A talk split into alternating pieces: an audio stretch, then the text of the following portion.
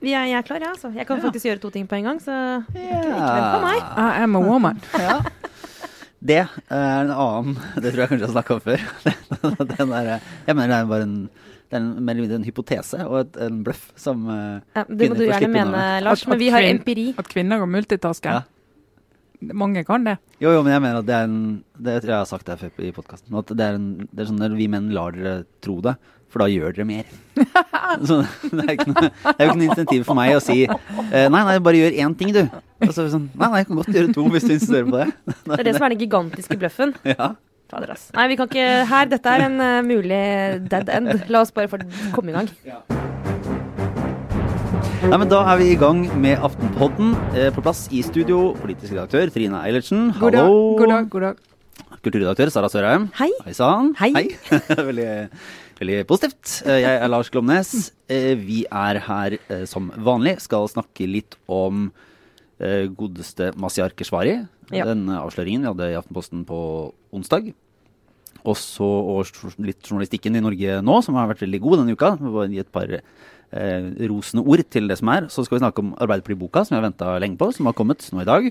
Og så blir det litt KrF, og så blir det litt obligatorisk refleksjon og andre ting. Eh, aller først så må vi si til de som kan tenke seg å komme på vår livepodkast, som er 28.11. på Chateau Neuf, at nå er det bare å hive seg rundt. Ja, her går det unna, faktisk. Fordi vi eh, var jo forrige uke, så var vi redde for at det ikke skulle komme noen. Men det kommer noen. Det gjør det. så, så, så nå må vi gå over i neste fryktstadie, som er sånn Hvordan i all verden skal vi levere noe for 1000 mennesker på Chateau Neuf? For Ja. det, er, det, er nesten, det, blir, det er nesten fullt. Så det kan til og med være lurt å sette denne podkasten på pause. Gå inn på aftenpodden.no, kjøpe seg en, eh, seg en billett, og så høre videre. For Ja. det, det kommer til å forsvinne veldig fort. Altså, jeg har faktisk funnet ut i dag at uh, musikalen Flashdance pågår jo på Chateau Neuf, uh, vår venue, uh, i den perioden også når vi skal ha vår livepod. Så det kommer til å være effekter på scenen, Trine. Right. Eh, blant annet er det noen trapper. Så jeg undersøker nå muligheten for at vi kan gå ned de trappene, eller aller helst at du, Trine, kan bli heist ned i sånn tau sånn på scenen, vet du. Det siste er, det er jeg veldig usikker på om kommer til å gå. Men, eh, men det kan bli, det kan bli 80-tallseffekter. Jeg ser for meg at, at eh, hvis, eh, hvis et eller annet Kanskje vi kunne fått i gang en sånn kampanje for at, at vi, vi stiller i sånne longs med sånne leggingsgreier. nei. leggingsgreier. Leg, leggvarmere. Jeg har noen syntetiske oransje leggvarmere med glitter fra 1983. Så der, da er kostymen på plass. Vi gleder oss veldig til, uh, til livepodkast. Det kommer til å bli veldig morsomt. Programmet setter seg litt etter hvert. Ja. Men, uh... Her er det ting å bygge på, åpenbart. men som du sa sist, så er det dagen etter en potensiell regjeringskrise. Så vi, det bør være nok å prate om, egentlig. Blir noe Ja. å snakke om. Ja, Det er det jammen den uka her også, fordi Fremskrittspartiets stortingsrepresentant Masiar Keshvari eh, er rett og slett tatt på fersken av eh, Aftenposten eh, i reiseregningsjuks. Det er liksom gullstandarden, holdt jeg på å si. Det motsatte av gullstandarden i sånn eh, snusk innenfor eh, politikkens verden. Altså det er eh, rett og slett sånn at alle mennesker sannsynligvis, men også politikere, innimellom jukser. Og det her er jo ting som opplysninger som det er mulig for journalister å ettergå, fordi vi har innsyn i bl.a. alle reiseregningene til alle folkevalgte på Stortinget. Vi må liksom bare huske å be om å få vi, må, vi må be om det, og vi får dem tilsendt, og noen må sette seg ned og gjøre den jobben der, og gå gjennom alle bilag og gå gjennom reiseregningene, og prøve å sette dette sammen med f.eks. da, sånn som eh, vår journalist eh, Henning Kar Ekerol gjorde, eh, representantens eh, f.eks. da eh, opptreden på sosiale medier, som jo så nok en gang viser seg å være en fallgruppe når du driver og jukser. F.eks. hvis du legger ut et bilde av deg selv fra Grorud, mens reiseregningene sier at du skulle vært eh, på I et Farsund sted i Farsund. Ja. I. Men Og så videre. men jeg har to ting jeg må få sagt. Det ene er å korrigere litt på det du sier at alle jukser. Det syns jeg er å ta i Sara. Alle okay. jukser ikke. Alle jukser ikke. Det, det er nettopp det som er poenget. De fleste jukser ikke, tror jeg. Ok, La meg bare fort si altså, Det men- finnes juks i alle samfunnslag, var poenget mitt. Men viktigere enn det, det er jo at jeg må, jeg må få lov å avsløre at litt av grunnen til at uh, vår gode kollega Henning satte i gang med dette prosjektet, det var en sending vi hadde i forbindelse med det svenske valget, der jeg kom til å si, når vi gikk gjennom noen svenske skandaler i oppkjøringen til valget, at eh, sånn økonomisk snusk og reiseregninger, det er vi litt sånn lykkelig forskånet for her i Norge, sier jeg da. Så tenkte Henning, ja er vi virkelig det? Og som, gikk, som enhver god ansatt så tenkte han, kan sjefen ha kan rett? Kan sjefen ha rett det i det? det kan hun neppe. Det var en veldig sunn antiautoritær holdning fra eh, Ekroll der. Eh, så han rett og slett undersøkte, og har du sett? Har du sett? For det dreier seg da om um, det er jo en, en veldig stor reiseregningspott som Keshvari har, da, han har fått utbetalt. Veldig mye mer enn en mange andre. Uh, og så har Aftenposten har gått inn og sett på enkeltregninger for hva er det, 36 000. Ja, som vi kan måtte, bevise at han har uh, sagt at han har vært ett sted, og så har han vært et annet sted. Typisk nettopp fordi det har vært bilder. Han har sagt at han skal på et, uh, et møte der um, på et eller annet sted på andre sida av landet. Kan med kjøre i bil, da, for da kan man Ja, for det er kjøregodtgjørelse veldig mye av dette. Ja. også et, et sted du kan kjøre til. Det er lett å jukse med. sant? Ja. ja. Og så er det jo totalt uh, hva er det, 290 000 som er udokumenterte, altså som, der man ikke har, ikke har kunnet gå inn og, og, vite nøyaktig hva som har skjedd. Og Keshvari har jo uh, erkjent at han har vært altså Jeg vet ikke helt hvordan han har ordlagt det.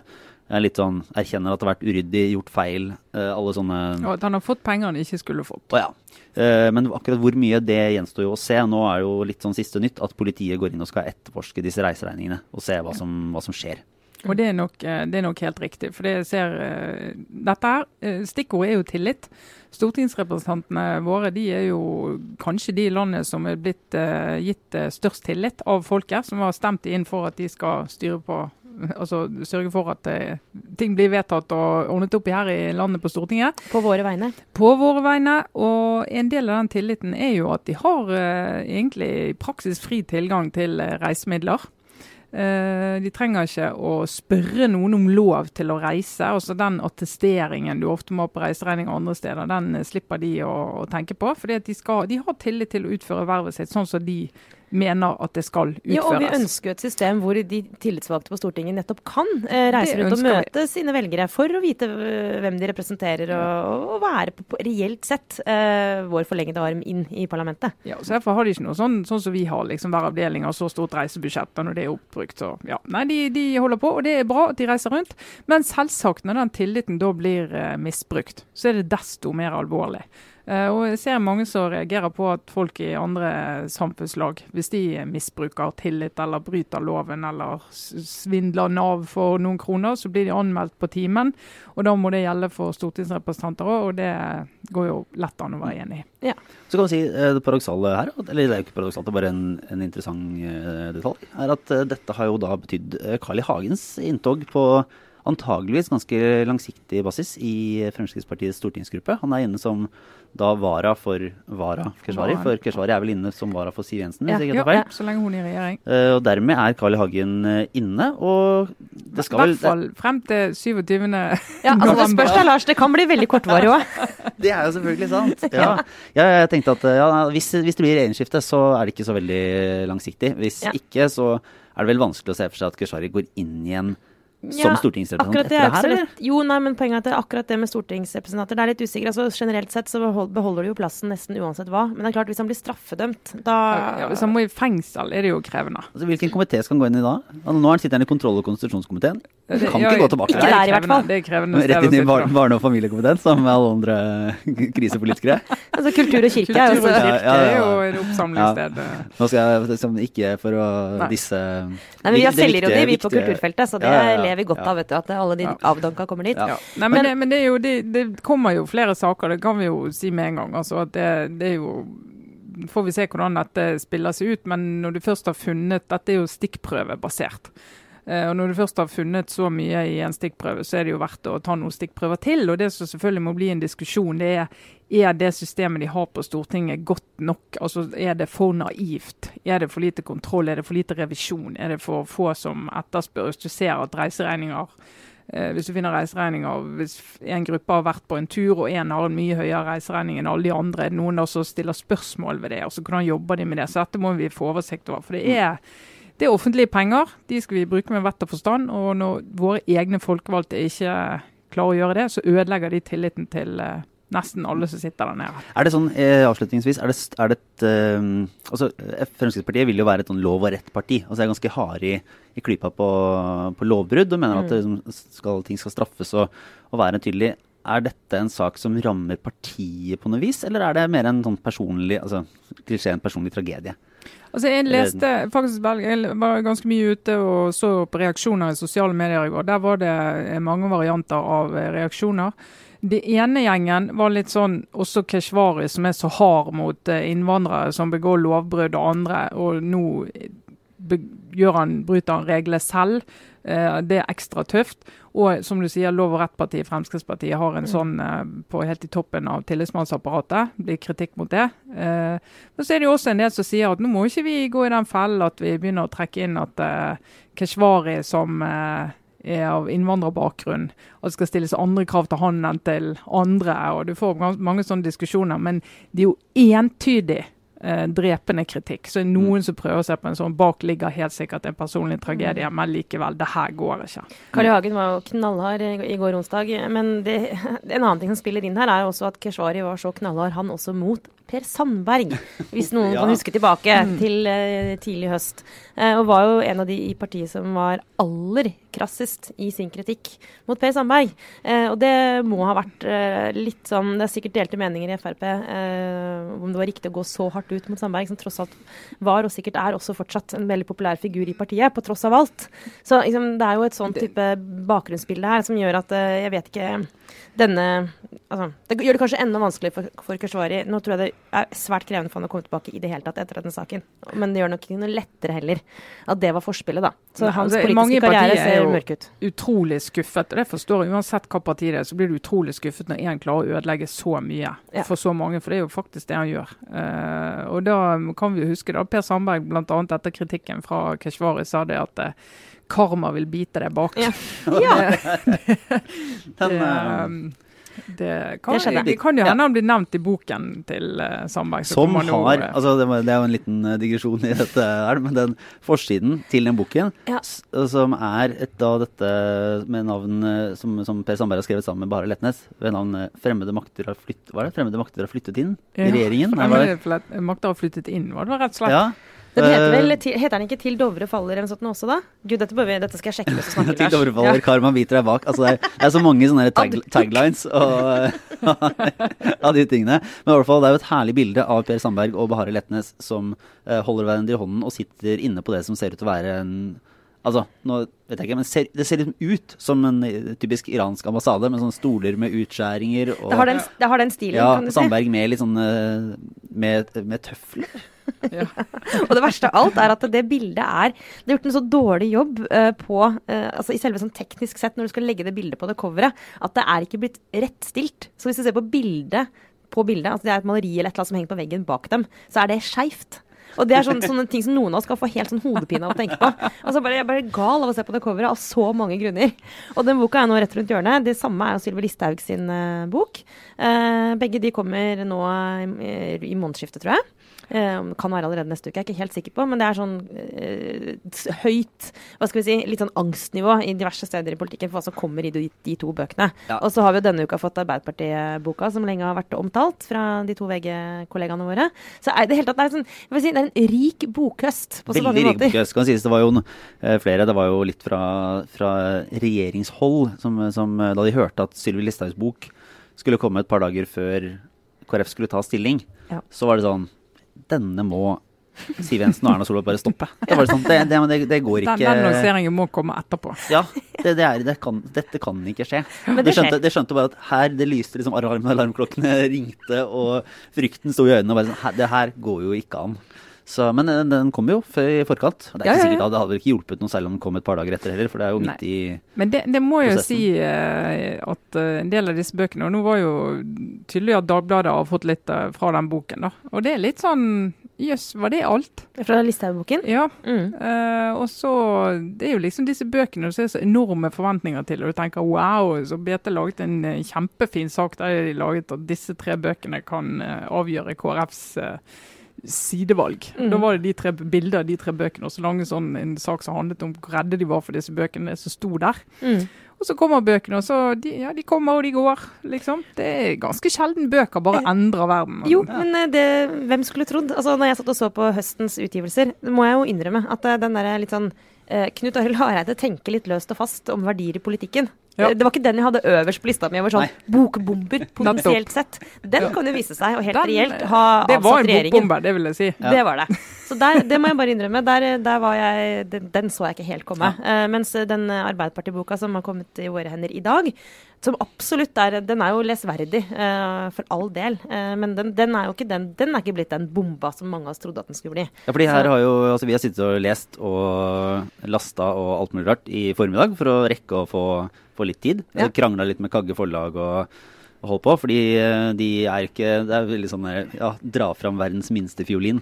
eh, fordi vi ikke får tilgang til eh, boka om Arbeiderpartiet litt tid i forveien, så vi rekker å lese den før vi skal ha podkast. Men er sånn uh, Her er det mye dealing og egentlig altså, det, det kan jeg snakke om en annen gang. For at det, bare det, altså hvordan løser redaksjoner og forlag dette med disse bøkene som kommer da? Det kommer altså, dessverre må jeg nesten si, i takt med at redaksjonen har blitt ganske mye mindre de siste årene, så har jo forlagene virkelig gira opp sin del av den, altså de der sakprosabøkene som er sånn inn i en aktuell samfunnsdebatt, eller en kjent person fort, forteller sin historie. Det kommer det, det, er- altså, nå kommer det veldig mange sånne bøker, og de er jo også så heldige at de ikke heldige i gåseøyne, må jeg understreke, at de ikke er underlagt de samme mm, etiske retningslinjene som, som oss i avis. Noe som gjør at det er mye sånn, altså det er mange som tømmer seg i en bok. Så det der, det kommer nå etter hvert mange bøker hvor det også er reelle nyhetspoenger. sant? Og kampen om å få tilgang til de manusene, den tåler ikke alltid dagslys. Altså. Der er det utrolig mange stygge triks. Denne runden den vant VG, fordi de to som har skrevet Arbeiderpartiboka, jobber i VG. Så det var alle forberedt på.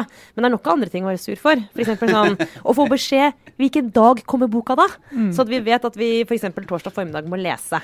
Nå er det å ha hardt arbeid. å ja. forberede seg. Spise makaroni kvelden før. Ja, ja, sove.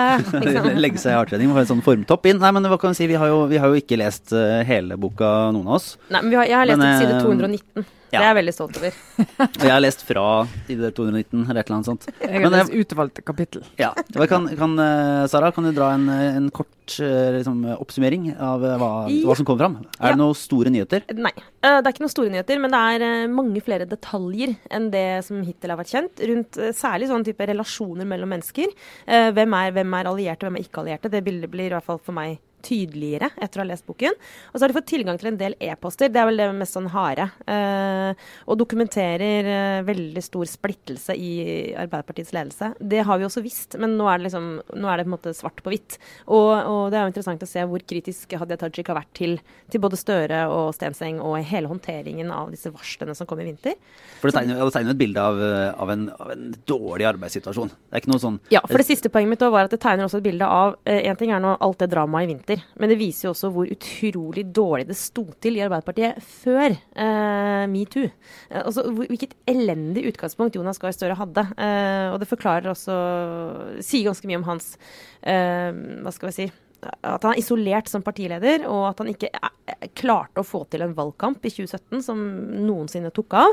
At han måtte ha mye av skylda for det. Og ikke minst da, eh, at forholdet mellom eh, Hadia Tajik og Trond Giske har vært helt elendig fra dag én, og at Støre som leder ikke har klart å gjøre noe med det. Så det er liksom risset her. Og så er det jo masse detaljer inni, innenfor disse rammene. da. Altså, jeg leste om, eh, om ledelsen i Norges største parti, og så tenkte jeg eh, hva, hva, hva minner dette om? Jo, det minner meg om følgegruppen til min sønn på syv. Så det minner det meg om. Altså, jeg, det gikk litt sånn kaldt nedover ryggen på meg. Altså, Hvis dette er i nærheten av riktig, så er det så bunnløst uprofesjonelt og så elendig ledelse. Altså, eh, For si syvåringene, da, som hvis en av de som følger ja, er Følgegruppe, hva er det for noe? Følgegruppe. Det er frem til de går så midt i andre klasse, så følger en av foreldrene fem barn for eksempel, til skolen, og så bytter de på det gjennom ukene for at ikke alle foreldrene skal kunne, må følge ungene på skolen hver dag. Så deler vi det inn, og så har vi f.eks. mandagen. Da følger vi fem gutter til skolen, og så en annen forelder. Det er egentlig en veldig fin ordning med følgegruppe. Eh, Men dette er jo ikke veldig store, modne mennesker, så hvis en av de får sitte på sykkelsetet etter han som følger, så vil alle sitte på sykkelsetet, fra at ingen ville på sykkelsetet i sted. Ja. Eh, og det er omtrent sånn det har vært i forholdet mellom eh, Hadia Tajik og Trond Giske. Hvis, Ja, og- hvis han fikk taletid på seminar, så skulle hun ha taletid på seminar. Hvis hun fikk ti minutter, skulle han ha ti minutter. Altså, det er virkelig, Jeg, jeg, jeg ble så rødmet, jeg. Ja, og tenkte- tillegg Men poenget er at det er ikke mulig å oppnå resultater politisk hvis du ikke klarer å jobbe på det nivået. Og det mener jeg er virkelig helt skrekkelig. Mm. At de har hatt, kunnet leve med en sånn ledelse så lenge. Og det ligger tungt hos Jonas Gahr Støre. Så er det annerledes i en, på å si, en ledergruppe i et parti, for de er jo valgt inn. Det er ikke sånn som i en bedrift der en leder kan si at dere kan ikke samarbeide, dere må skjerpe dere. Ja, for det, Eh, ja, Og, og hvis ikke dere skjerper dere, så må jeg bytte dere ut og få inn to nye. Ja. Det går jo an. Mens, mens det kan du ikke gjøre i et parti, for de er innvalgt helt til de ikke er det lenger. og her er det jo virkelig, i hvert fall sånn som boken viser det fram, Ja. så er det jo et sånn eh, Altså, så er det jo tydelig at, nettopp den personkabalen er jo satt sammen ut fra så veldig mange hensyn. Ja. Og, og partiets ønsker. Og du snakker liksom hvem er det man ja, hvem er det man egentlig ville ha som partisekretær? Hvem er det man egentlig ville ha inn i nest, liksom en nestlederrolle? Eh, hvem er det som egentlig ville dytte ut den personen på et eller annet tidspunkt? Altså Det er jo altså, mange sånn pågående person- og posisjonkonflikter. Noe som gjør at eh, en ledelse nesten aldri blir den optimale. Men hvis du tenker bare sånn, hvem ville fungert best som ledere av partiet, særlig som team? Men det blir det minste felles multiplum. Og det kan jo noen ganger slå heldig ut, det også. Altså. Men, det er, men som du er inne på, Lars, det er en, sånn, det er, det er en løsning etter et ekstremt komplisert eh, regnestykke. Men, ja. Men som, som da fram til i vinter, da, som det likevel var, og det viser jo også denne boken, var på en måte gitt hele tiden at Trond Giske kom til denne gangen å vinne. Og vinne i betydningen av å få seg en posisjon i partiledelsen, som han jo ikke har lykkes med tidligere. Og boken tegner et bilde av at Støre og Nå er det selvfølgelig farget av disse to journalistenes oppfatning, da, men skal vi legge den til grunn, da, så, så var Støre veldig blind for eh, Giskes evne til å manøvrere seg, og så ikke på han som noen trussel, så ikke på eh, det som skjedde rundt seg som en maktkamp, eh, og var uforberedt på eh, det dårlige forholdet mellom eh, Tajik og, og, og Giske. Men også i boka så er det også at eh, Noe, avbrøt, men noe Ja. Stoltenberg aldri, aldri, aldri var blind for, er jo poenget da. ikke sant? Han så det hele veien. Men, Ja. men det er jo en, også en, eh, det er også en, et, bare i hvert fall en del av det som viser hvordan partiet og ledelsen ble liksom lamslått av ned- valgnederlaget, hvis vi skal tro boka. da. At Jonas Gahr Støre mista De skriver det jo rett ut, at, at han liksom mista motivasjon og ble liksom fraværende. Hadia Tajik trakk seg tilbake. Og sånn sett var kanskje Trond Giske, sånn som boka beskriver det, den eneste i partiledelsen i fjor høst eh, rett etter valget som på en måte som kom seg opp på hesten igjen. da. Ja. Mm. Og som var, eh, som, eh, som var villig til å Ja, liksom fikk litt ting til å skje når Ja, altså resten av ledelsen resignerte. Eh, tok liksom ansvar inn i noen av de prosessene og drev partiet fremover. Uh, og så er det jo bare, det er helt åpenbart at i et parti der det er så delte oppfatninger om hva som er riktig, og hvem som uh, Apropos sånn vi har snakka om tidligere, om sånn moral eller sånn, å anklage noen for å være, oppføre seg dårlig eller ha dårlige motiver, så er det nettopp det. Da blir alt tolka inn i det. Så når Mm. Trond Giske hans tilhengere ser det som at han tar ansvar på vegne av partiet. Hans motstandere ser det som at han prøver å kuppe partiet. Ja, og at han fikk ferten av blod etter valget, og var jo allerede valgnatta litt sånn frempå og mumla litt grann om eh, partiledelsen må ta ansvar og sånn, som ble tolket som at han uh, mente han at eh, Støre gikk vekk fra ansvaret. sant? ja, og at han, at han væra muligheten til at Støre kanskje måtte gi seg osv. Men det er jo utrolig mange antakelser her, da, og denne boken er også lada. Men jeg må bare nevne, Lars, før, før valget, altså i, helt i starten Jeg syns jo nesten det mest interessante boka for meg har vært å lese om liksom helt Støres eh, tidlige fase som leder. Og når han etter hvert til slutt skjønte, da, sikkert som den siste hele partiet, liksom, at, eh, at, eh, at eh, Hadia og Trond bare ikke fungerte, at han inviterte til, og det er en kostelig scene, til en sånn samtale med en coach som han hadde fått anbefalt av Tor Gjermund Eriksen i NRK, står det i boka. En, en fyr som han kunne anbefale. som er vi- Hans Christian Amundsen, daværende rådgiver, som tok han initiativ til. Og samlet da disse i et rom hvor de skulle liksom snakke om det. Og jeg vet ikke, altså Støre er jo, tror jeg har liksom tro på terapi. Han er gift med en eh, terapeut og har jo en sånn måte å snakke på som er lett å parodiere. Litt for at det hermer litt sånn psykologens eller terapeutens språk. Så, altså, jeg bare ser for meg, Og det hadde Tajik og Trond Giske. Not so much. Og den scenen som beskrives, er liksom bare Trond eh, Giske sitter bare på telefonen hele denne grusomme samtalen. True to character. True to character. Og Hadia Tajik sitter bare og stirrer sånn hardt ned i bord bordet. Er liksom dannet og høflig nok til ikke ta opp telefonen, da. Men liksom, det, og ingen vil snakke. Og Støre prøver, og han, eh, coachen prøver, og de, bare- de, de blir enige om til slutt at dette her fører ikke noe. Men, men, men det er jo det som er litt sånn der det voldsomt uprofesjonelle her. Fordi at det, det er jo helt greit for en enkeltperson å si det. Nei, jeg liker ikke sånn terapigreier. Og jeg syns han er en idiot, jeg har ikke tenkt å jobbe med han, så jeg bare boikotter det. Men hvis du representerer en organisasjon eller en bedrift eller et eller annet, og dette blir gjort fordi at det faktisk går utover resultatene til den organisasjonen, og du fremdeles boikotter det, jeg mener, det er jo oppsigelsesgrunn, vet du. Ja, ja. Det går ikke. Så, men, det, men, det, er jo da interessant. Hva vil denne boken bety i diskusjonen fremover i Arbeiderpartiet? Nå kan det hende at de kommer i regjering og er nødt til å bare ta seg så sinnssykt sammen og begynne å jobbe utover istedenfor innover. Men de har jo med seg en historikk som, eh, som også denne boken illustrerer, som er, er vond og vitner om folk som ikke rett og slett er veldig flinke i jobben sin. Det må jeg si. Ja. nå er jo en av dem ute. Altså, det kan du si nå, Men tre av fire er igjen i partiledelsen, og ingen ja. av de fremstår veldig imponerende i den boken. Og så kan jeg bare, den, eh, Det er jo virkelig en, eh, det er en sånn bok for nerdene. og det, det er sånn, Kanskje ikke så veldig mange sånn store nyheter, men det er jo mange ting der som er ganske altså det er jo oppsiktsvekkende at det fungerer sånn på innsiden. Og bare, det minte meg om en, en, jo en klassiker innenfor sånn politisk litteratur. Som egentlig de dagbøkene til Alistair Campbell. Å oh, gud, ja. Fra, oh, jeg elsker de bøkene! fra, fra, Tony Blair-tiden, da. Ja. Som, liksom uh, Alistair Campbell, altså, som var på en måte Unnskyld at jeg avbrøt, ja. men ble, nå ble jeg ivrig, kjent, jeg. Ja. Men han er jo det selveste The Dark Lord av alle. Han er spinndoktorenes liksom, hva skal vi si, onde far. Uh, og et geni. Og en, sannsynligvis en, en, jævel. Men det vet jeg ikke. Jeg kjenner han heldigvis ikke. men han hadde i hvert fall den, de bøkene beskriver fra innsiden også mens da Labour faktisk gjorde det bra uh, og holdt på, var i regjering og drev på, hvordan da Tony Blair, Gordon Brown, John Prescott og han uh, Peter Mandelson, som mm. var også en sånn virkelig dark lord, mann, ja. de var jo i sånn fiendskap og konkurranse absolutt hele tida. Og det, var ganske, det ganske, ligner ganske mye på hvordan det er beskrevet en del av ledelsesdynamikken i Arbeiderpartiet nå. da.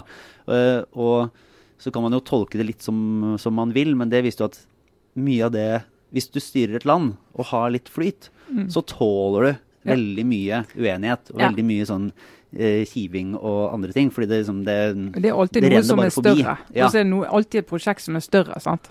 Mens når du ikke har det, og når du da møter motgang, så har du ikke forsvarsverk. Da bare smuldrer det helt. og Da tar det liksom en måned, så er partiet full, uh, full krise. Mm. Men reddes de nå av å gå inn i regjering? Mange mener at det kan uh, redde Arbeiderpartiet. Nå er de på vei opp på målingene. De er sikkert litt spente på om eh, denne boken vil ha noen innvirkning eller noe sånt. Det, det tviler jeg kanskje på. Ja. Uh, de sitter ganske godt og rolig nå og venter på at noe skal skje. Og flere i partiet, avdøde Hans Christian Amundsen, var jo også en talsmann for at partiet trenger å fokusere utover, ikke innover, for å komme videre. Mm. Uh, så det er en mulighet som mange ser. Og så er det en del også i partiet som tenker at nei, men vi er jo ikke klar. Vi har jo ikke, vi har jo ikke ryddet opp uh, hjemme ennå. Hvordan i alle dager skal vi greie å gå i en forhandling og, og, og finne veien vår sammen med to partier, og ikke minst et uh, meget potent Senterparti som ja, de går i regjering hvis de må, men de er ikke så ikke øverst på listen av drømmen akkurat nå. Det er ett år før kommunevalget, så de kommer med sine krav. Og så et KrF som kanskje kommer splittet inn i regjering. Så noe sånn kosetur inn i regjering, det, det, tror jeg ikke det blir. Nei, for jeg tror alle, eller Mitt inntrykk også er at eh, det er liksom enighet om at vi må begynne å snakke og tenke politikk. Men spørsmålet er liksom eh, om det er best å gjøre det innenfor eller utenfor regjering. Og mange har også uttrykt vel også at det hadde kanskje vært ideelt å kunne jobbe litt nå frem mot neste valg. Og liksom, eh, ja, så er det men, klart, altså Arbeiderpartiet kan aldri vegre seg mot å sitte i regjering. Nei. Det går ikke. Altså Hvis det er mulig å sitte i regjering, så skal Arbeiderpartiet ville sitte i regjering. De kan ikke sitte og tenke sånn hva er best. Det kan fløypartier gjøre. Men Arbeiderpartiet og Høyre kan ikke det. Mm. Vi eh, går jo da videre til KrF. Vi var innom KrF denne ja, vi, uka her òg. Vi må jo det. Ja, vi må innom de hver uke ja. frem til regjeringen eventuelt har gått av, og ikke minst etterpå. Ja, for de som, eh, som Trine, altså jeg bare Før vi går videre, bare skyte inn at jeg tror heller ikke denne boka får noe sånn stor effekt. Sånn, den er kjempespennende for mange av oss å lese, men uh, den har jo ikke lykkes i gåsehudene. Så jeg lykkes, for det er typisk hva journalister sier, så lykkes med å felle noen. Nå er jo ikke det nødvendigvis alle ser på det som noe positivt, men det er jo ingen av de som sitter igjen i partiledelsen nå, som får en sånn uh, alvorlig altså Det er ikke så alvorlig for noen av dem at noen av de f.eks. nå må gå. og så, det er, Sånne ting skjer ikke. Ok, men da siden vi fortsatt er på den, eh, hva betyr det da Vi har jo ikke lest den helt ferdig, men hvis det tegnes et bilde av en slags skurk her, så er jo det Trond Giske. I boka. Ja, men det er jo i, veldig få som kommer heldig ut av det. Men Ja. det store skurker, hvis du kan først tenke sånn, så er jo protagonisten, er det ikke det det heter? Nei, antagonisten er det. Ja. Sorry. Jeg prøver, prøver å tøffe meg med ja, litt bra- sånn uh, snobbespråk her. Ja, skurken er enklere. Skurken er jo ute. Men, uh, men, men vi, de som skal inn og eventuelt nå forhandle om en ny regjering eh, altså Det er sannsynligvis de samme folka som skal gjøre det, som er i ledelsen i dag, da. Det var poenget mitt. Det er de som skal håndtere dette. Og det er bare, Den tegner jo et bilde av en altså, de, eh, det, det var en sak i VG nå i høst om at eh, Stenseng og, og um, Tajik og Støre har liksom hatt en middag sammen og blitt enige om at nå skal de, liksom, nå skal de tenke og jobbe fremover og sånn. Lykke til! U- Uten coach, regner jeg med. Ja, lykke til med det. Uh, det er bare det, det, det, ja, det lover ikke kanskje så Tilliten, godt, men uh, tilliten er på topp. Mm. Ja. Og det blir krevende forhandlinger. Men ja, vi får se hva som skjer. Det kan jo hende at regjeringen blir sittende. KrF, da? Ja Siste det, ja da, det, det ja. kan jo hende, det. Eh, altså, det er jo eh, Vinden flyr frem og tilbake fra høyre og til venstre. så det er, i hvert fall når- jeg snakker med FrF, så mener de oppriktig at det er umulig å si hvor de lander. Men det er noe, fremdeles flere som sier at ah, Knut Arild sin posisjon er så sterk at de tvilende vil høyst sannsynlig følge han. Og at han vil få viljen sin eh, 2.11. Eh, Men det er en eh, tøffere tone i debatten. Vi ser at eh, Kjell, Ingolf Ropstad og en del av de andre på det blå laget har begynt å skru opp lyden mye mer. Fascinerende dag her på tirsdag, var det vel? Eller var det onsdag? Da gikk Først kom jo Erna Solberg og lot seg intervjue av Dagens Næringsliv, og var veldig hard i klypen Ja, overfor. KrF. Ja. Og enig er at hun sa som hun selvfølgelig har all rett til å, til, til å si, og hun selvfølgelig rett til å si hva hun vil, men altså, så jeg tror alle skjønner legitimt at hun går inn og sier at jeg er helt uenig i hans beskrivelse av vårt prosjekt. Eh, men så gikk hun enda videre og sa det at det han holder på med nå, det nærmer seg liksom udemokratisk. Ja. og da ble, det, da ble det fyr i teltet. Og det går an å forstå. Det går an å forstå. ja, for hva, men hva var det hun mente med det, egentlig? Nei, Det hun mente med det, var jo at han eh, pekte på henne før valget. Eh, Ja, det var løftet til velgerne, liksom. ja, og at Ja. en del velgere da har stemt på KrF bl.a. fordi at de ville sikre at eh, Erna Solberg forble statsminister, og at det var flertall for at hun skulle være statsminister etter valget. Men at han nå endrer syn i et viktig løfte til velgerne, og at velgerne ikke vil forstå at landet bytter regjering ett år etter valget uten at de felles på en spesiell sak. Mm. Altså de felles fordi at KrF er i krise. er på en måte logikken i det resonnementet. Og så slo jo Knut Arild Hareide knallhardt tilbake. Og litt sånn eh, Ja, jeg registrerer at dette kommer fra en som eh, for en uke siden sa at hun ikke skulle seg, blande seg inn i diskusjonen. Og så skjedde det to ting på én formiddag. Det første var at eh, Kjell Ingolf Ropstad og Martine Tønnesen, leder i KrFU, gikk ut i DN og støttet Erna Solberg. Og mot sin egen partileder og sa at nei, dette syns de var rimelig kritikk fra Erna Solberg. Fem minutter etter kom det en sak på NRK der Jonas Gahr Støre gikk ut og støttet Knut Arild Hareide. Så nå eh, er det virkelig begynt å, begynt å vri seg til her. Eh, temperaturen er oppe, og jeg, nå sitter jeg og direktemelder med en god del KrF-ere på Facebook og spør eh, var du på det møtet, hvordan var oppfatningen? Og, og folk er jo veldig sånn Nei, det var god stemning og høflig, og folk er jo veldig respektfulle overfor hverandre. Men vi blir jo splittet av dette. Ja. Det, det, det er jo, vi ønsker jo, håper jo vi ikke skal bli det, men vi blir jo det. Det er, det er tonen, da. Men bare det faktiske svaret til Hareide på kritikken fra Solberg er jo da at det løftet han ga før valget, var at hans foretrukne, eller skal si, KrFs foretrukne alternativ var eh, Erna Solberg som statsminister for en regjering bestående av Høyre, KrF og Venstre. Ja. Ja. Og så og så var det andre løftet var at eh, de ikke ville i regjering med Frp. Ja. Og dermed så mener han at du kan ikke bare sitere halvparten uten å ta med den andre Ja. i, i hva som er et løfte til velgerne. men det alternativet med Venstre, KrF og Høyre var jo på, Det har aldri vært et reelt alternativ. Det var, det var Så det, når du tar de to løftene opp mot hverandre sant? Så Nå så er det liksom sånn Ja, det var to likestilte løfter. Men, men i praksis så var jo det aldri et alternativ. Så selv om han sa det, så la man jo til grunn at han hadde forstått selv også at Nei, det er jeg eh, ikke sikker på. Det var han la men til grunn i valgkampen. til å Nei, nei, men, det var, hele valgkampen dreide seg om å spørre KrF om ja, men kom, det første alternativet kommer jo ikke til å skje. Hva gjør dere da? Og så, Og så sier han eh, vi peker på Erna Solberg som ja. statsminister, Ja. men vi vil ikke sitte i en regjering med Frp. og så sa vi ja, men det går ikke an. Og så sa han akkurat det samme igjen. Så sa ja, men det går ikke an. Og så fortsatte det litt sånn.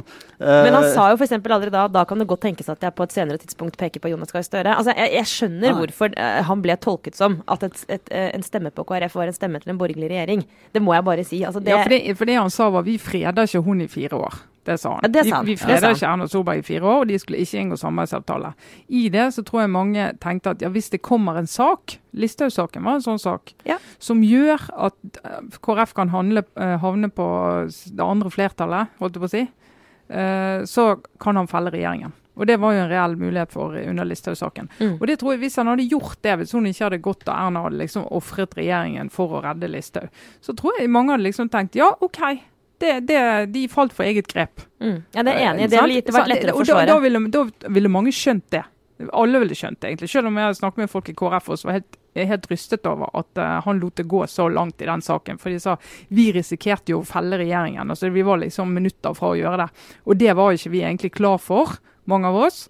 Eh, men de leser det som et tegn på at da hadde han egentlig bestemt seg, Mm. og at det ikke gjorde så mye for han å felle regjeringen da. Men så ble han reddet av at hun, av at hun trakk seg, da. Mm. Eh, Men det som er altså, sånn, det, det er jo det som er problemet til både Knut Arild Hareide og partiet nå. Det er jo at ikke bare vi på utsiden sitter og diskuterer hva det egentlig Hareide sa i fjor høst, men på innsiden gjør de det.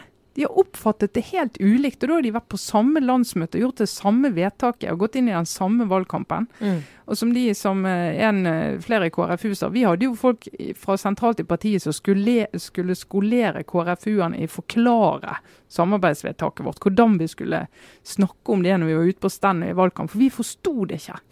Så vi måtte ha skolering i landsmøtevedtaket om hvordan de skulle gå inn, og de fikk det ikke til. Og partilederne fikk det ikke til. Og det er jo der feil skjedde. Hvis partiet nå blir splittet, så er det fordi de ikke gjorde en ordentlig jobb før landsmøtet, nei, før valget, som gjorde at partiet føler at greit, ikke nødvendigvis enig med retningen og valget vi tar, men det er faktisk ikke forankret. Men der er det jo litt sånn at Sant. det er vel hele Og det er uansett ja. omtrent hva side de velger, blir Ja, det Men det, men det er jo hele ledelsen peker jo da egentlig på den feilen, og det har jo Hareide og selv også gjort. på mange Mm. måter, sagt at vi, kunne, vi ble sittende i en posisjon vi ikke kunne sitte, sitte i. Uh, men så er jo egentlig da alle enige om at det må løses enten den ene veien eller den andre Ja. nå. At det er sånn, ja, ok, det var problemet, nå må vi finne løsningen. Uh, her må vi velge en side å kjøre på, selv om du splitter partiet. Det er innforstått at du Men- kommer til å splitte partiet. Jo, men det som er så godt poeng i det Trine sier, som er en sånn generell ting med forankring, hvorfor skal man drive med det? Og, og det handler vel så mye om hva som skjer etter at en avgjørelse faktisk er tatt, enn å få hjelp til å ta avgjørelsen.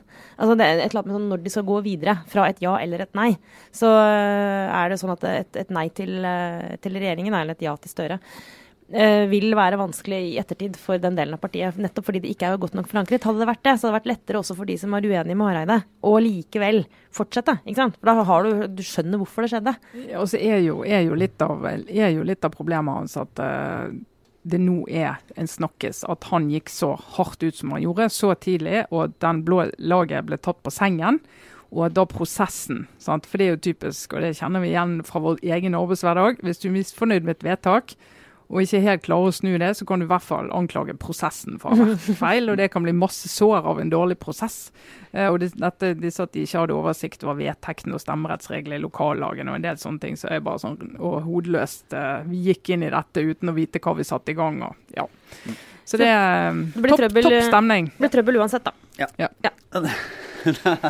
Men eh, skal vi se, vi drar i gang en eh, liten eh, runde obligatorisk refleksjon før vi går inn i helgen. Ja. Sara Sørheim, ja hva er det du, du driver og tenker på om dagen? nei, vet du, jeg har hissa meg litt opp denne uka over en kommentar i Dagsavisen av deres kunstkritiker Lars Elton, som vi også har skrevet om i Aftenposten fordi det ble en, det ble en sak av det. For han, han går ut med en sånn veldig hard kritikk av Nasjonalmuseets direktør, Karin Hinsbo. Av og til så kommer vi på at Sara er kulturredaktør og har sånne sånne veldig litt sånn smale kulturting som lar seg My day job ja. handler om dette, Lars. Ja, ja.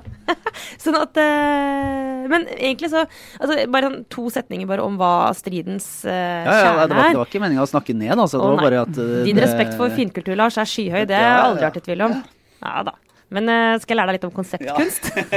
For det, handler om det. skal vi ta det etterpå? Nei, altså Ja. Poenget mitt er egentlig det med hvilken retorikk man bruker her. Men bare for å ta som sagt to setninger om saken, så handler det om hvorvidt Nasjonalmuseet burde kjøpe inn et kunstverk av Marianne Heske, som er en av Norges største samtidskunstnere. løva? Det har jeg hørt om, vet du. Løva, Ja, ja, ja, ja. gjæreløva. Eh, Hun, lagde, altså, hun er konseptkunstner, og hun var, eh, og er fortsatt liksom den største og mest kjente konseptkunstneren. Og det er jo, Hele poenget med det er jo at det ikke nødvendigvis er et fysisk objekt som er kunstverket, men det er liksom tanken bak. Og denne løa, greia med den, det er en sånn gammel norsk løe fra Luster, tror jeg. Hun har flytta den rundt i verden. Den har stått bl.a. på Pompidou, eller foran eh, Pompidou-plassen eller hva det er for noe, i Frankrike, i Paris. Eh, og hun har dokumentert denne løas reise rundt i verden. Eh, og det er det den dokumentasjonen har Nasjonalmuseet kjøpt inn og stilt ut, og er liksom en del av kunstverket. Men det det handler om nå, er liksom selve denne fysiske løa. Om eh, museet skulle kjøpe inn den, og det har de valgt å ikke gjøre. Og så er det sånn, det er tusen grunner til det. De har jo ikke et veldig stort innkjøpsbudsjett, og de skal jo representere absolutt all norsk uh, kunst. Alt fra liksom, arkitektur til uh, samtidskunst via eldre kunst. Og uh, ja, jeg vet ikke de, hvordan de kom fram til et nei. Jeg antar bare at det, nei, vi har allerede kjøpt inn dette verket. Vi vi trenger ikke. Vi har, og de har veldig mange verk av Marianne Heske. Anyhow, det kan man mene hva man vil om, om de burde kjøpe inn det eller ikke. Og mange mener at det burde de ha gjort, fordi hun er så stor kunstner. Greit, nok om det. Poenget er den måten denne debatten føres på, som jeg hissa meg opp over. Fordi eh, det går helt fint an å argumentere for at de burde kjøpt inn den der eh, bua, da. Men uh, Lars Shelton har en kommentar i Dagsavisen som heter altså 'Kunnskapsløs museumsleder' om Karin Hinsbo. Eh, og bare første setning i kommentaren, det er altså Nasjonalmuseets leder mangler kunstfaglig og ledelseskompetanse. Det er dessuten veldig ja. dårlig skrevet, men det får han stå, stå for hans regning. Altså, Istedenfor å si sånn Jeg syns de burde kjøpt inn denne, dette kunstverket, så bare konkluderer han med at direktøren er kunnskapsløs, mangler kunstfaglig kompetanse og, og er en dårlig leder. Og det hisser jeg meg opp over. Fordi det er en sånn type debatt teknikk, hvis vi kaller det det, mm. som er å ta, ta, kvinnen og ikke ballen. Uh, og ganske mye, hvis vi går tilbake, av kritikken mot Karin Hinsbo har gått nettopp på hennes liksom, personlige egenskaper. Uh, og, og, Lars Elton her gjengir liksom at hun er en dårlig leder, for han hevder å kunne vite masse ting. Og jeg vet også ganske mye om Nasjonalmuseet, og jeg vet veldig mye av det han skriver er feil. Apropos kunnskapsløshet. Mm. Men, men, det er da den derre ryggmargsrefleksen, eh, og som dessverre mange sånn, typisk sånn innenfor kultur og akademia og sånn, og mange, unnskyld at jeg sier det, menn i, i den generasjonen der, som bare uten å blunke bare sparker knallhardt til person, istedenfor å liksom gå inn i saken. Det ble så jævlig Unnskyld å banne.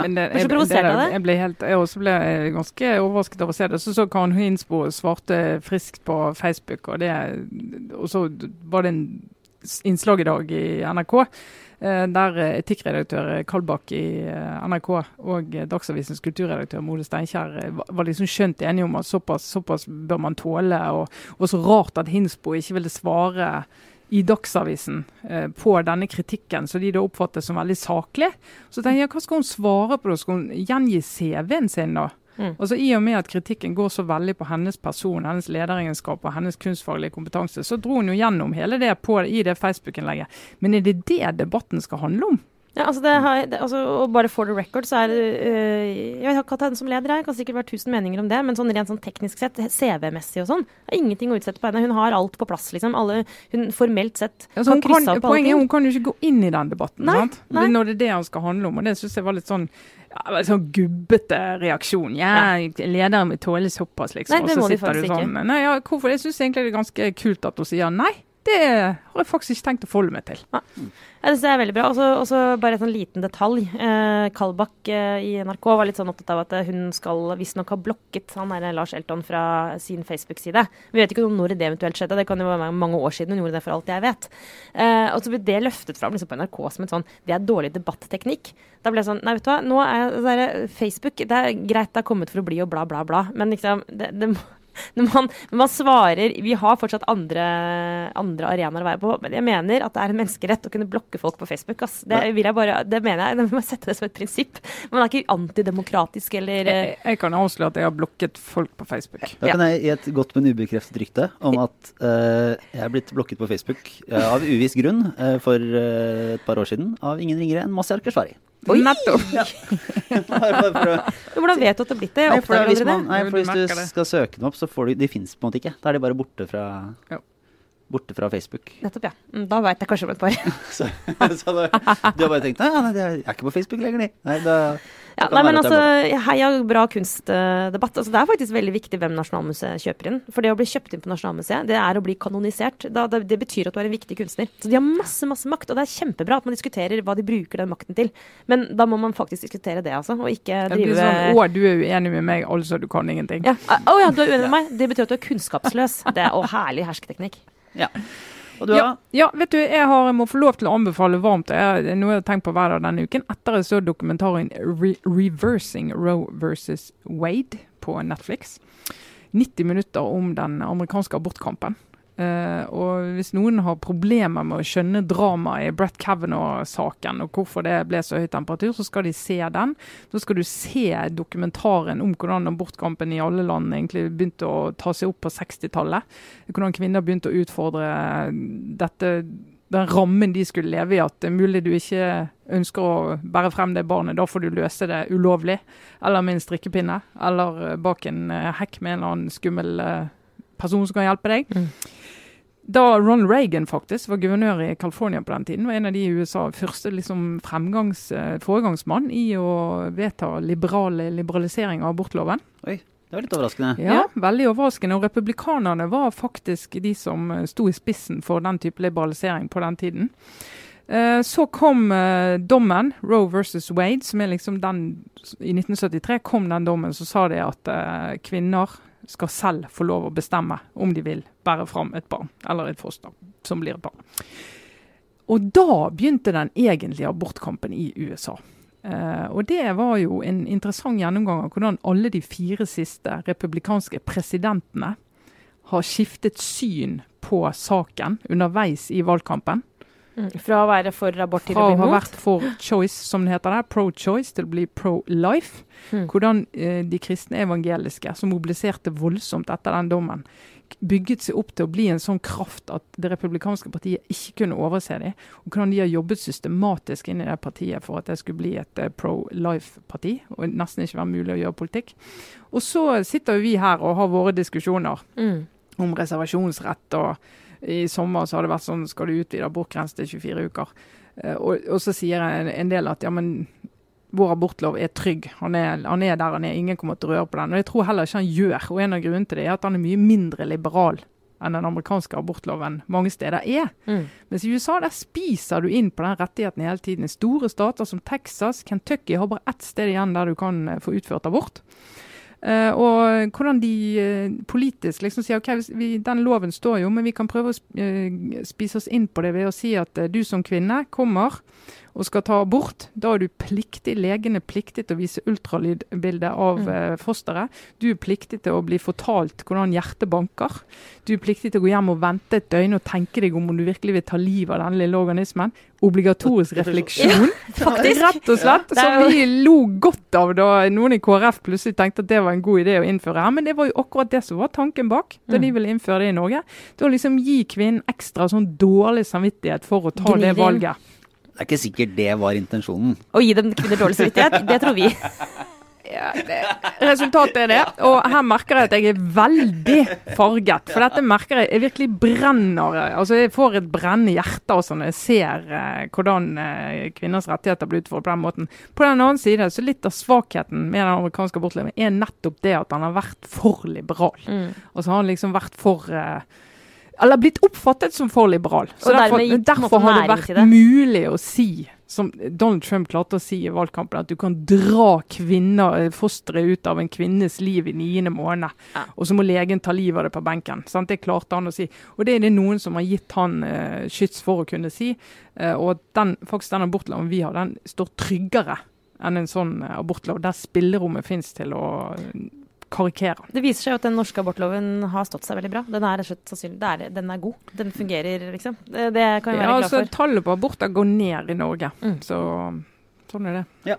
Jeg skal egentlig bare runde av med eh, hva skal jeg si, en, eh, en kjapp hilsen til gode kollegaer i VG og Dagbladet. Eh, og de som har jobbet med den hva skal jeg si, fantastiske og skremmende Tolga-saken. Mhm. Som er eh, et eksempel på utrolig god journalistikk som får gjennomslag, og som virkelig står på den svakes side, og redder redde liksom, enkeltmennesket opp mot staten.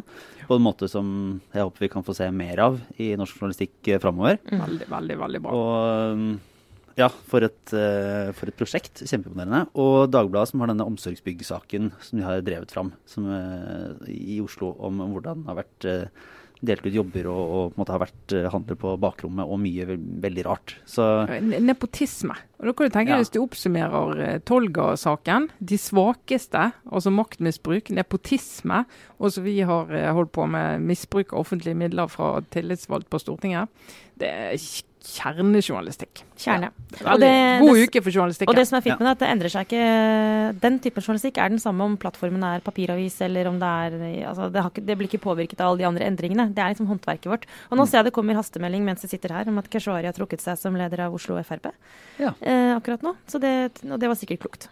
Ja. Og så ellers vil jeg bare anbefale helt på tampen en, eh, Det har faktisk uh, vært på nytt en episode av This American Life som var her om uh, som heter noe sånt som Superheroes. Som dreier seg om en radioliten dokumentar om spørsmålet som stilles til folk, som er sånn Vil du helst kunne fly eller være usynlig? Og det er altså, altså de det, liksom vet, det er så lett å svare på. Hvem er det som har lyst til å være usynlig? Det er jo en syk ting å være. Det er mye gøyere å kunne fly. Ja, det, det, ja, analysen er at de som uh, det deler seg ganske 50-50, men de som vil fly, det er folk som ser seg selv som helter og vil syns. Uh, de som uh, vil være usynlige, er de som på en måte erkjenner anerkjenner og erkjenner at de har sider som er litt sneaky, eller at man liksom vil ha utløp for å ikke synes eller gjemme seg litt bort, og finne ut av ting. Ok, Dere da, helt til slutt. Hva ville du tenkt deg, Sara? Nei, jeg har svart allerede. Du må følge med. flyet. Jeg må ja. følge med. Du må følge Nei, med. altså, og Gurin, jeg vil jo som vanlig begge deler, da. Ja. Men jeg ser jo absolutt, uh, absolutt uh, øyeblikk der jeg kunne tenkt meg å være usynlig, ja. jeg, vil, jeg, vil jo, jeg, vil jo, være en sånn som vil fly. Jeg tenker det, det er liksom det riktigste å ville fly. Men du vil være usynlig? Ja, det er jo, det er jo være fascinerende. Men jeg tenker at jeg tror du blir moralsk forkvakla av å være usynlig over lengre tid. Fordi du vil etter hvert misbruke det. Ja, det er mer enn reiseregninger som blir frista til ja, ja. da, da, sitter du med Du ser en verden med sånne uh, ukontrollerbare reiseregninger. Gå inn i møter og lytte. ja. ja. Nei, det, Nei, det er, ja, hvis jeg kunne, jeg vet om et par juleselskaper i fjor vinter jeg skulle gjerne vært i usynlig. Så det er mulig at jeg ville svart usynlig akkurat. Det, det, er, det varierer litt med nyhetsbildet. Tidsavhengig, men, det, jeg følger deg. Jeg følger deg. Vil du snike deg inn i juleselskaper, eller vil du bli usynlig i juleselskaper du var i? Eh, begge deler. Jeg vil at alle skal glemme at jeg var der. I hvert fall dagen etter. Nei, men eh, da takker vi for oss, og så oppfordrer vi folk som er interessert til å få seg billetter til livesendingen vår eh, på Chateau Neuf 28.11. Eh, det er billetter på Ticketmaster og via den nettsiden som heter så, noe så enkelt som aftenpodden.no. Ja, nettsider, altså. Ja, nå begynner det å ligne noe. Og så kommer det etter hvert så kommer det merch. vi bare minner om det. Nei, men Det er fint. Da takker vi Sara Sørheim som måtte løpe ut i et møte. Takk til deg, Trine Eilertsen. Og ha det bra fra meg, Lars Glomnes. Hei.